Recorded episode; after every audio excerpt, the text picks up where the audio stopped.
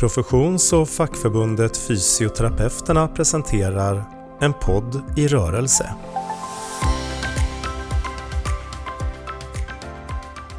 Hej och välkomna till en podd i rörelse.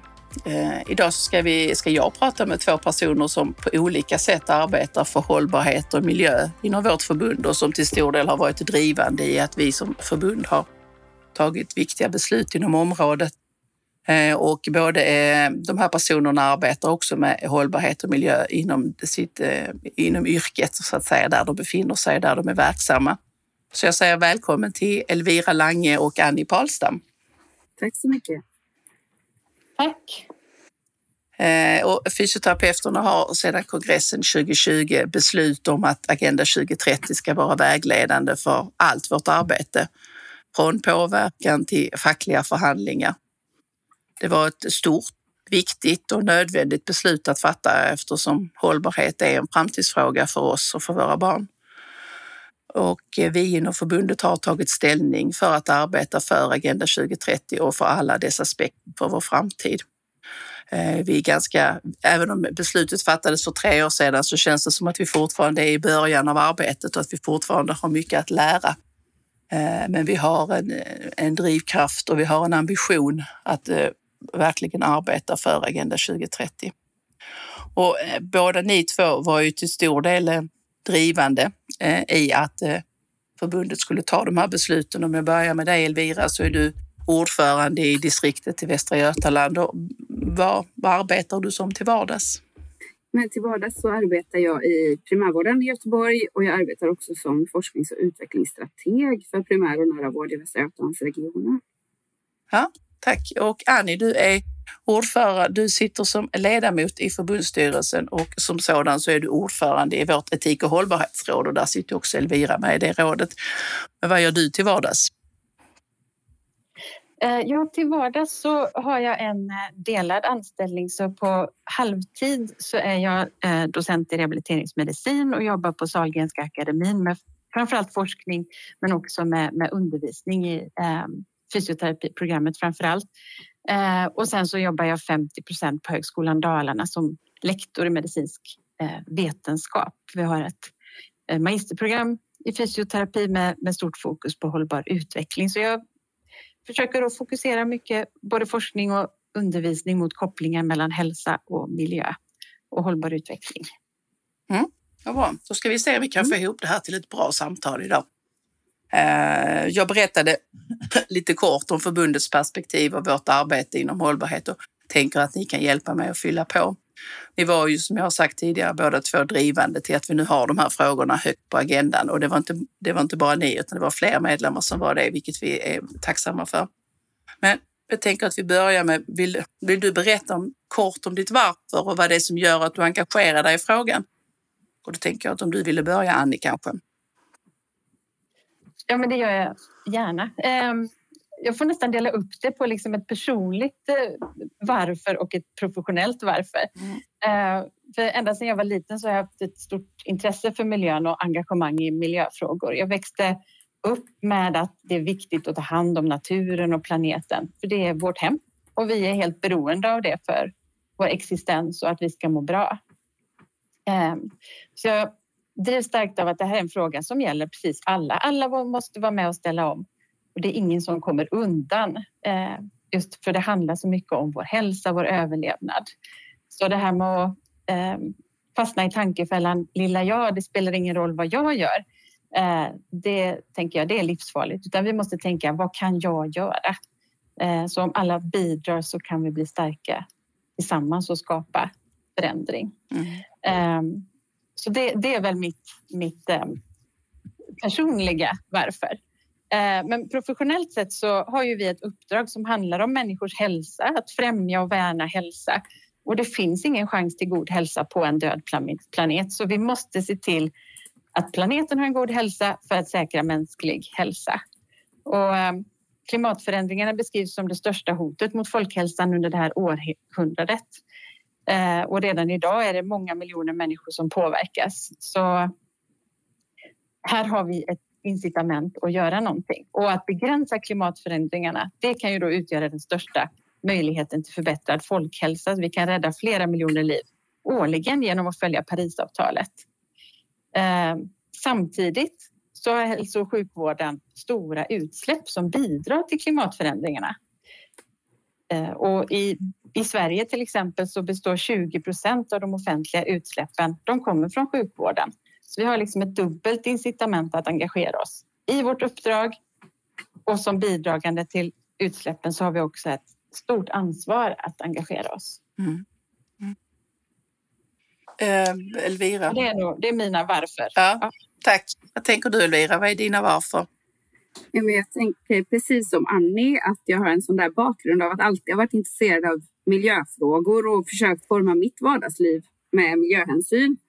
Eh, men på senare år när det har utvecklats till att ta ett helt hållbar utvecklingsperspektiv så blir det ännu mer meningsfullt. Det blir ännu fler varför för mig att kunna ta ett helhetsgrepp och beakta inte bara miljömässiga utan också sociala och ekonomiska aspekter. Mm. För det är ju kärnan handlar ju om det, att sättet vi lever idag inte ska äventyra framtida generationers möjlighet att få sina behov tillgodosedda. Så det är väl mitt övergripande varför. Mm.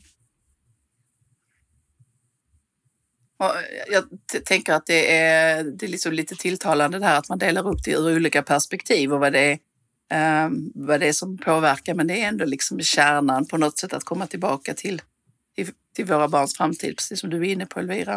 Eh, men om vi nu tänker oss att fysioterapeuterna då, som är ett fack och ett professionsförbund, vad är det som gör att det är viktigt att vi engagerar oss för hållbarhet? Och det finns ju det finns ju många fackförbund i Sverige och det finns många andra organisationer också. Men vad är det som gör att det är viktigt att ett fackförbund just engagerar sig för hållbarhet? Elvira, vad tänker du? Jo, men där är det som Annie sa innan, att frågan om hållbar utveckling, det är allas ansvar. Där vi står idag så behövs det sådana krafttag och förändringar så att ingen har utrymme att luta sig tillbaks. Så det är utgångspunkten för att alla ska vara med. Mm. Och som förbund har vi möjlighet inte bara att se över vår egen hållbarhet i organisationen, men också att sätta den här frågan på agendan hos arbetsgivare och hos beslutsfattare.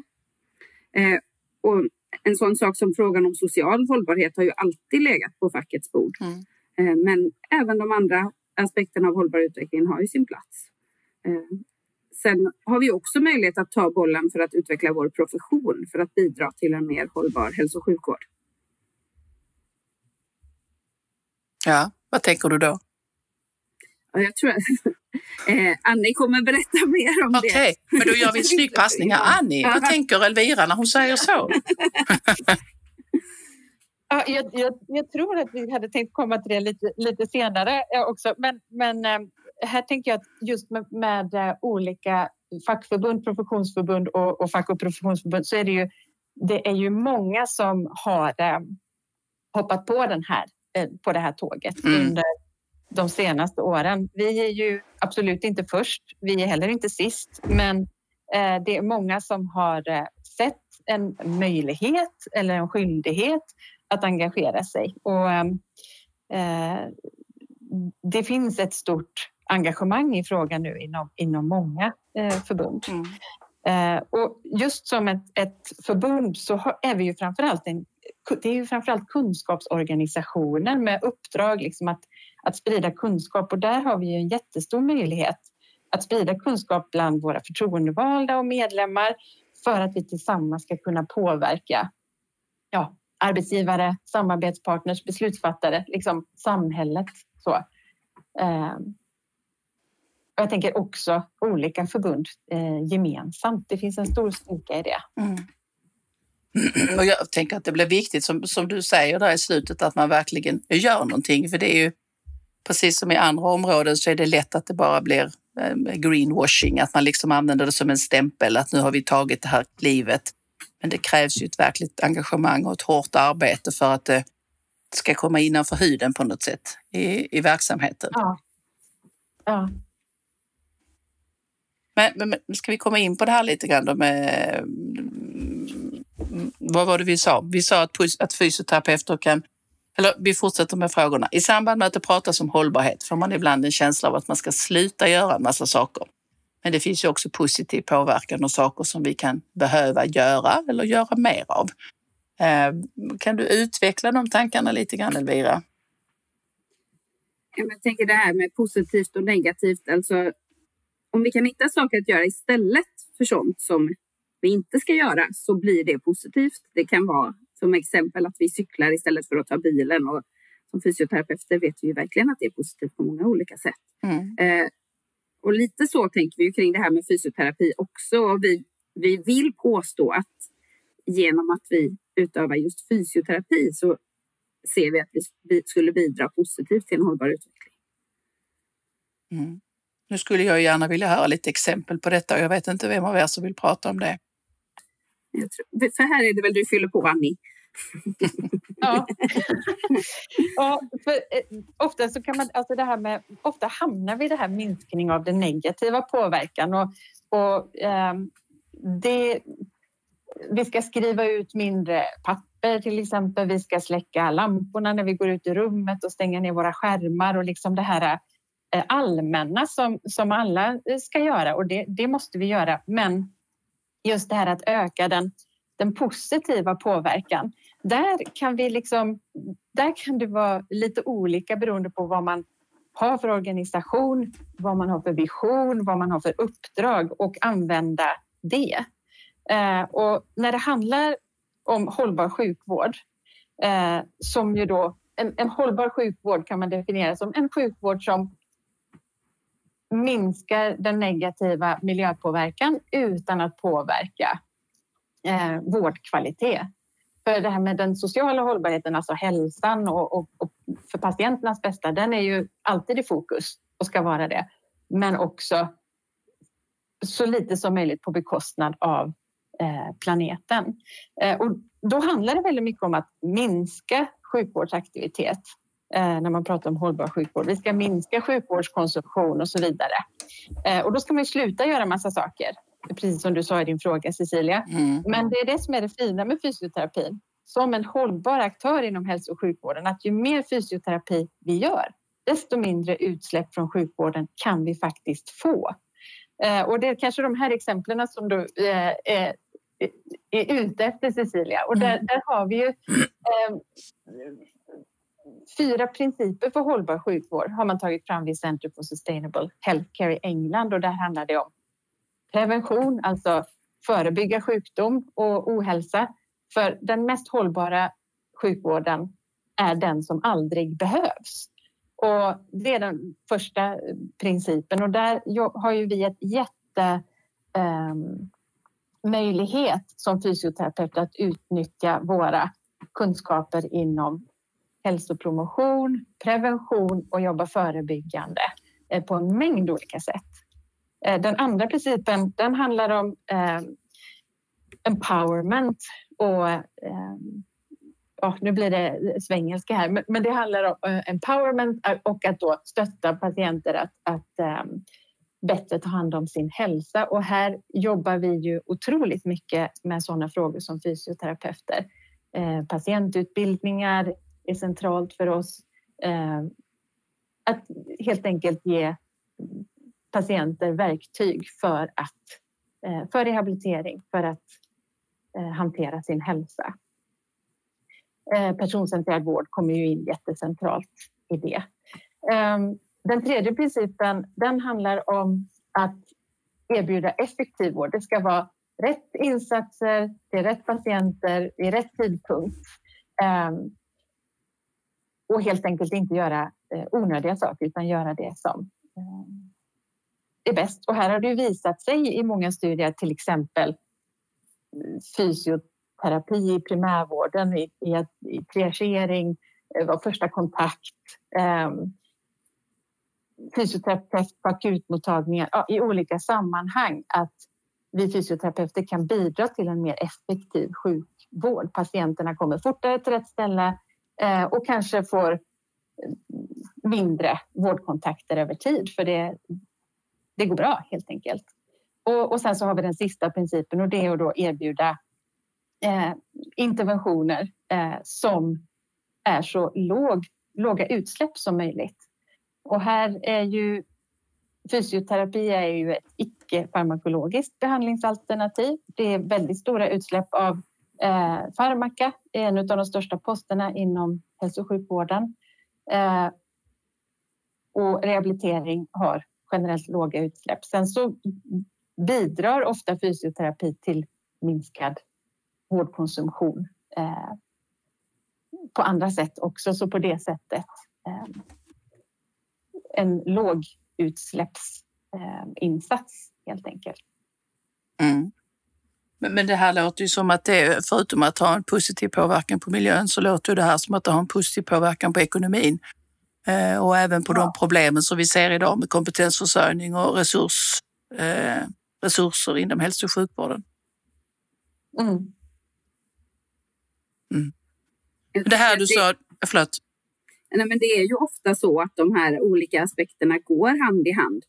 Eh, oftast kan vi göra insatser som har vinster för miljön och samtidigt ekonomiskt fördelaktiga. Eh, och det är ju förstås de, de insatserna eller de sakerna vi vill åt som, som bidrar på mer än ett sätt. Ja. Och, och jag tänker att det blir ju viktigt i, en, eh, i, en, när man, i ett samtal eller en argumentation kring detta, att man lyfter de aspekterna också. Med tanke på pengarna som också finns att tjäna till exempel på att sälja läkemedel och, så. Absolut.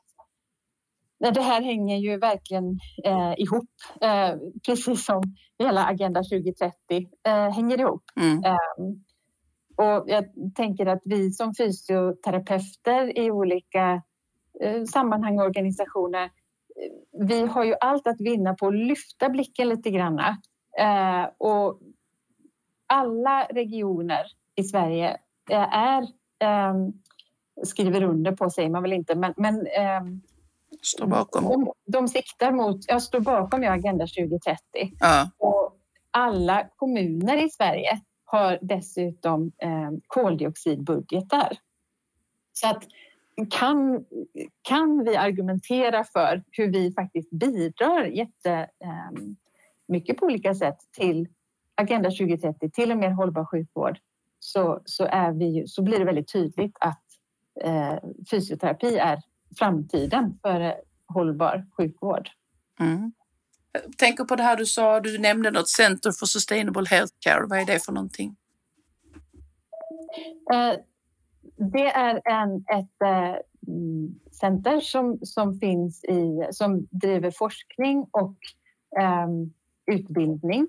Eh, finns i Oxford i England och de jobbar väldigt tätt tillsammans med eh, det nationella hälso och sjukvårdssystemet i England, alltså National Health Services, eh, där man håller på med ett arbete att minska eh, utsläppen från eh, alla sjukvårdsenheter i England. Man har satt ett skarpt mål till netto nollutsläpp Eh, 2045 som faktiskt är fem år före England som, som land har satt. Eh, och det har man gjort då för att man är en hälsoorganisation och därför vill man då gå före i det här arbetet. Så i England så jobbar man väldigt eh, aktivt med eh, minskning av koldioxidutsläpp från alla sjukvårdsenheter. Mm. Finns det något liknande i Sverige? Jag tror att det finns projekt, men eh, jag ska inte göra anspråk på att ha någon eh,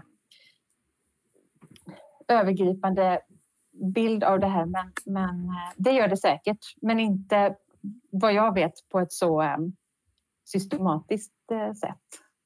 Nej, och nu kommer en fråga som... Ja, förlåt. Mm. Nu kommer en fråga som ni inte har förberett på, men som jag funderar på när jag lyssnar på er. Nu jobbar ju båda två med forskning eh, och jag funderar på eh, när vi som fysioterapeuter forskar. Jag förstår att det inte går att generalisera, men är, är det så att det finns eh, alltså, jag tänker utvärdering, uppföljning, aspekter av forskningen där vi, där vi lyfter frågan kring, kring hållbarhet. Jag, jag, jag, har en känsla av att vi pratar om minskat läkemedelsbruk, att det är ganska vanligt att vi pratar om det. Men finns det andra aspekter som vi kan se i fysioterapeutisk forskning? Räcker du upp handen Elvira? Jag tänker just det här eh, att i forskning ta in hela hållbarhetsperspektivet. Vi, när vi forskar så vill vi givetvis utvärdera de medicinska effekterna av våra insatser. Det är mm. förstås det vi har allra längst fram för ögonen. Vi har också en god vana att göra kostnadseffektivitetsanalyser och det efterfrågas. Mm. Men de här andra delarna då? Om vi kunde vid sidan av kostnadseffektivitet också utvärdera miljöaspekter bättre och om vi kunde utvärdera eh, sociala aspekter, få med det eh, oftare och mer. Och där just du nämner det här med läkemedel. Eh, men jag har nyligen varit inblandad i en, en litteraturöversikt där det finns ju massa studier som utvärderar forskning i relation, eller fysioterapi i relation till läkemedelskonsumtion.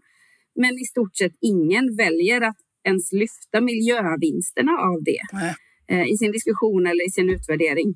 Så där har vi ju en missad möjlighet att mm. även i forskning lyfta fram fler aspekter som kan göra i att om man hamnar i ett läge där man står och väljer mellan interventioner, då kanske faktiskt den ena överväger eh, baserat på fler grunder än enbart ekonomiska kostnader.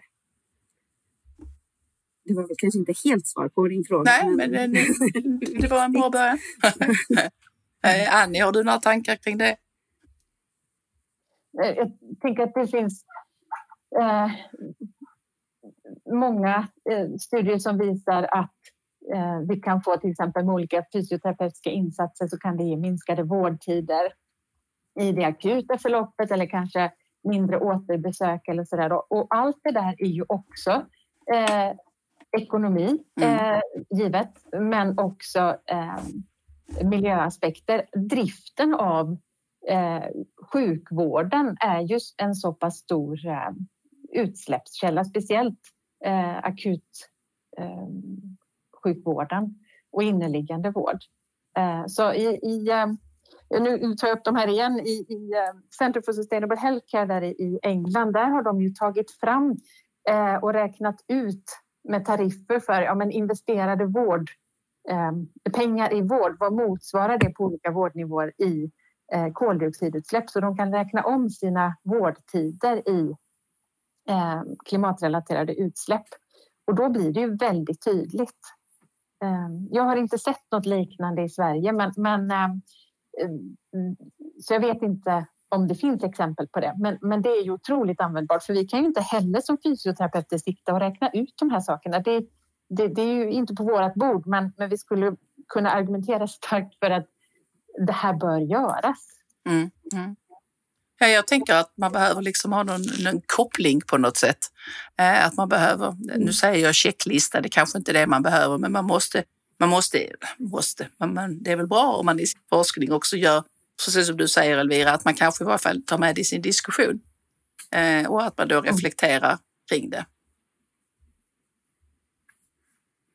Ja, eh, jag har ju fått några exempel på varför eh, fysioterapeuter bidrar positivt till ett mer hållbart samhälle. Men finns det någonting mer som vi behöver säga där? Vad är det som gör att fysioterapi och fysioterapeuter är positiva eh, eh, till ett mer hållbart, för ett mer hållbart samhälle? Annie, det var du som pratade kring det tidigare, men är det något du vill utveckla? Eller känner vi att vi har tömt det området? Jag tror inte det går att tömma det. men eh, eh, just, jag tänker det här att, att vi, vi har en otrolig möjlighet till att tänka lite nytt kring våra arenor, kring just det här med hälsofrämjande, förebyggande. Eh, alltså inte minst utifrån liksom belastningen i vården som den ser ut idag. Nu går vi mot god och nära vård.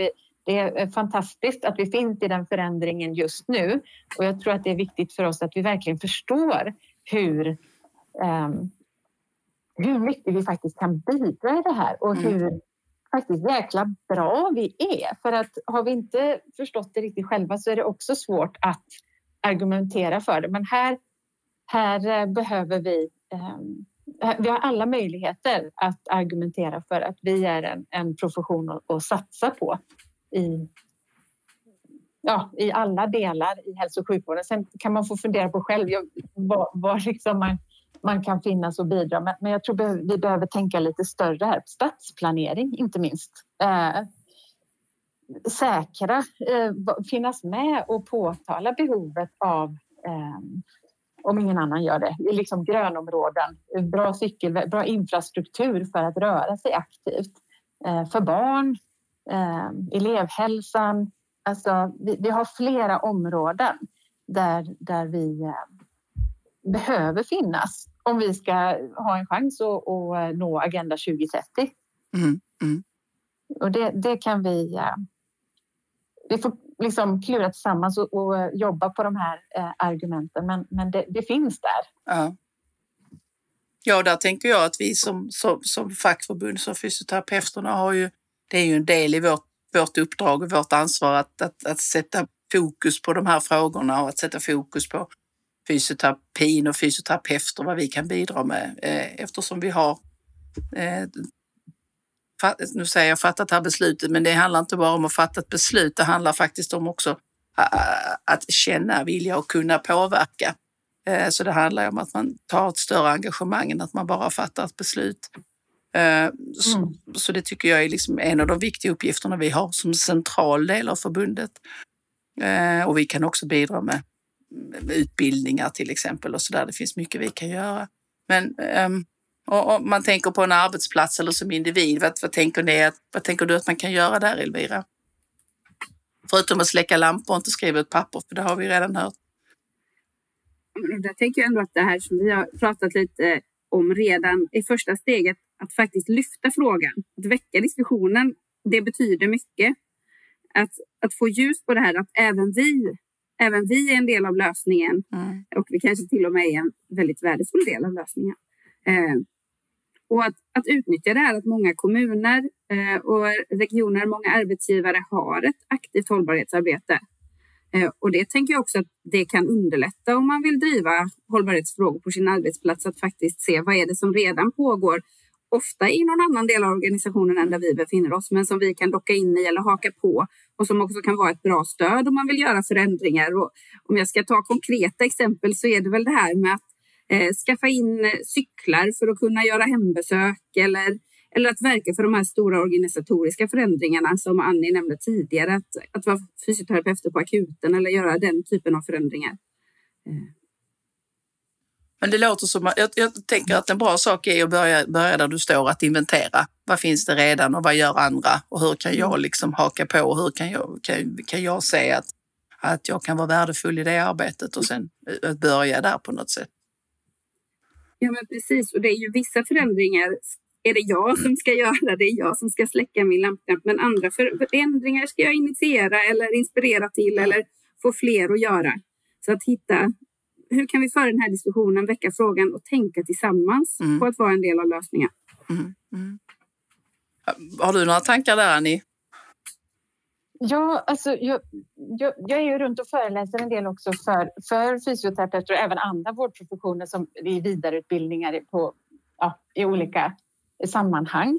Och det är så himla eh, intressant att ha de här diskussionerna för det är väldigt många som är otroligt miljömedvetna hemma. Jag tror inte att det har undgått någon, alltså att vi är i den här akuta situationen med eh, klimatkris och, och så där. Eller i alla fall är det den uppfattning jag får när jag är runt och, och pratar om det här. Så man, som eh, privatperson, eller man säger hemma, så är man otroligt medveten. Eh, vad man köper för mat, man försöker äta vegetariskt, man eh, försöker cykla till jobbet eller åka kollektivt. Man sopsorterar något så fantastiskt bra.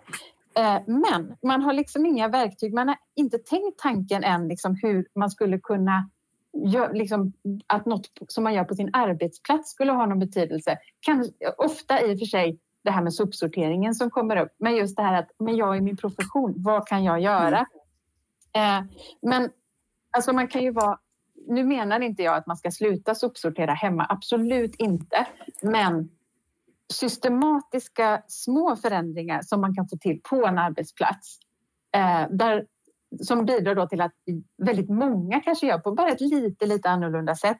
Det kan ju ge så otroligt stort genomslag jämfört med om man verkligen sliter häcken av sig på liksom precis jämföra varje grönsak eller, eller sådär som vi också ska göra. Men, men då är det ju det är en individ som gör det. Mm. Kan man få till de här eh, små förändringarna, eller kanske stora, Men på en arbetsplats i en organisation, då kan vi verkligen få saker att hända. Vi kan mm. liksom få lite rull på det hela.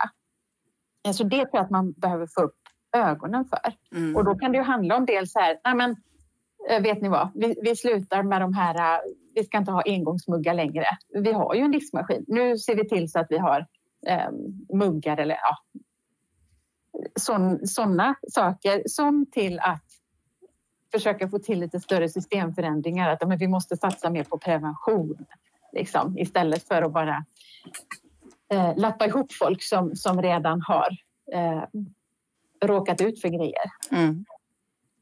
Så att eh, stort och smått. Ja, verkligen. Och förändring, förändring är ju aldrig enkelt, men viss förändring är ju lättare än annan, tänker jag. Och går snabbare, om inte mm. annat. Vi har ju pratat tidigare, du och jag Annie, i varje fall om the power of one och the power of many. Eh, och jag tänker mm. att det, man behöver kunna ha båda de perspektiven i huvudet när man pratar om detta, såväl när man pratar om annat ja. också. Eh, viftade ja. du Elvira, hade du något du ville lägga till? Jag tänker att det här som Annie säger nu, att det dockar ju också tillbaks till varför vi som förbund, att eh, när vi vill åstadkomma de här stora förändringarna eller förändra på bredden eller nå ut till många, så har ju vi fysioterapeuter, vi är ju samlade, vi har en struktur och att den också ger ett bra underlag för att, för att påverka och förändra. Mm. Mm. Nu pratar vi lite grann om vad man kan göra på arbetsplatsen eller som individ och vi har ju också en fråga om att vara fackligt förtroendevald. Jag vet inte om det, det känns som att svaren skulle kunna vara ungefär de samma. Eh, att ta reda på vad som pågår runt omkring en, eh, att använda liksom ett arbete som redan är igång och att lära sig mer och att se både till det, det individuella och till det gemensamma.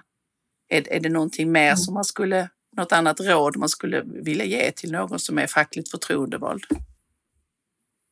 Får ni slåss om att börja. Ja, men jag, då, då, passar jag på här. Mm. Jag tänker bara rent konkret tips.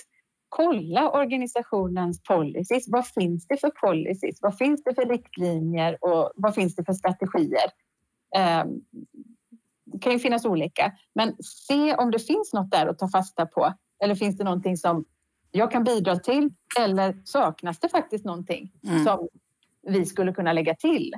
Eh, de flesta regioner till exempel har ju till exempel då miljöfärdplaner. Jaha, men vad finns det där? Eh, står det någonting eh, där, där vi kan liksom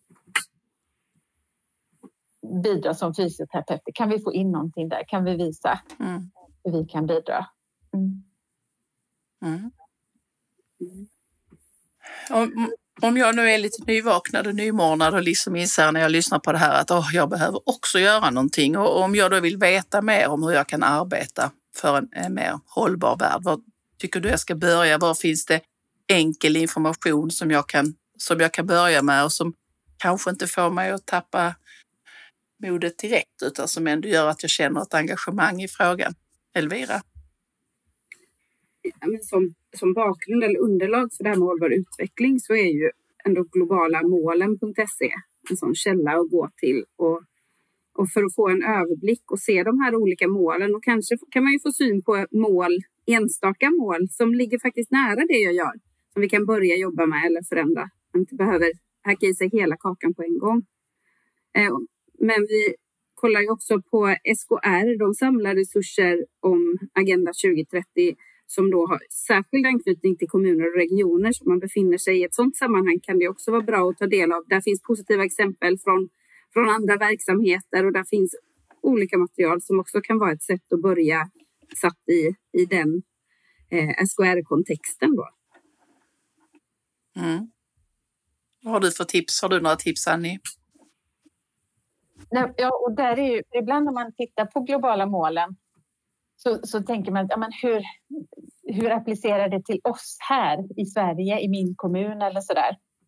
Och då, då är det väldigt fint att de kan bryta ner det lite mera och till den svenska kontexten eh, på SKR. Men, mm. men eh, så de, de två. Eh, men sen så tänker jag mer specifikt för fysioterapeuter så, så kan vi väl ändå säga det att vi håller på att sammanställa resurser som eh, är tänkt att det ska bli tillgängliga via förbundets hemsida. Ehm. Och vad är det för resurser då? Annie, vad är det för Ja, resurser då? Ja, en, eh, jag kommer spela in eh, introduktionsföreläsningar så man ska få ett, ett grepp om det här med hållbar utveckling, hållbar utveckling och hälsa. Eh, hur det är hälso och sjukvårdens roll och hur kan vi som fysioterapeuter bidra? Mm. Eh, så, så det är på gång. Vi vågar nog inte säga något datum, men, men eh, det kommer. Vad bra. Det blev en riktig cliffhanger. Ja, precis. Och, och sen kan vi väl slå ett slag också för fysioterapi 2023 som faktiskt har tema hållbar utveckling. Och där är ju flera eh, moment eller, eller vad säger man, punkter som eh, eh, kommer att ta upp detta. Så det ser jag verkligen fram emot att ta del av. Det programmet. Så 4 till 5 oktober i Göteborg är det dags för Fysioterapi 2023 som är vår vetenskapliga konferens med temat hållbar utveckling, precis som du säger. Så det blir eh, både bredd och djup i den frågan där, tänker jag. Den eh, sista frågan som jag brukar ställa det är ju om, man, eh, om du är minister och då har jag ställt frågan till er, vilken minister vill du vara? Det brukar vara att man ska få vara socialminister, men jag tänkte att ni kanske inte vill vara det. Så ni ska få välja vilken minister du vill vara och- och så skulle du också få svara på vilka beslut skulle du fatta för att svensk hälso och sjukvård ska bli mer hållbar och ta större hänsyn till miljön. Och då tänker jag kanske om Annie ville börja svara på den frågan. Ja, och då har jag valt, nu har vi valt varsin här då. Mm. Eh, såklart, som inte tar samma. Jag eh, väljer miljöminister. För precis som du sa förut, eh, Cecilia, eller nu kanske jag inte citerar det helt korrekt, men, men just det att vi kan, vi kan prata om det här, vi kan inspireras, vi kan sprida kunskap, men det måste ju också hända saker. Eh, annars så kommer vi ju ändå ingen vart hur mycket kunskap vi än har. Så miljöminister skulle, om jag skulle vara miljöminister så skulle jag fatta beslut om skarpa utsläppsmål till 2030 eh, som även då innefattar hälso och sjukvården. Eh, detta har ju då nationella sjukvårdssystemet i England gjort och där jobbar de ju nu aktivt med att minska sina utsläpp. Det tycker jag också att vi i Sverige skulle göra. Det är bra. Ord och inga visor. Lätt att uppnå. Ja. Elvira. Jag skulle väl satsa på sjukvårdsminister då. då. Eh, och då skulle jag föreslå faktiskt att man tar fram riktlinjer för att i sjukvården förhålla sig, sig på samma sätt till miljöaspekter av vården som till ekonomiska aspekter och sociala aspekter. Det här har jag varit inne på tidigare. Så att resultat av olika insatser både utvärderas men också prioriteras utifrån alla de här tre aspekterna av hållbar utveckling. Mm. Bra. Det är det som är fördelen med att vara minister i en podd. Då får man fatta vilka beslut man vill. Eh, och man behöver inte bry sig om de demokratiska systemen. eh, men tack så mycket både Elvira och Annie för att, vi, att ni ville vara med på det här samtalet med mig. Och jag är helt övertygad om att vi kommer att fortsätta det här samtalet på många sätt och i många kanaler. Så tack så hemskt mycket. Absolut. Tack, Tack så så jättemycket. mycket. Det var väldigt roligt att, att prata om detta tillsammans. Mm, tack. En podd i rörelse presenterades av Fysioterapeuterna.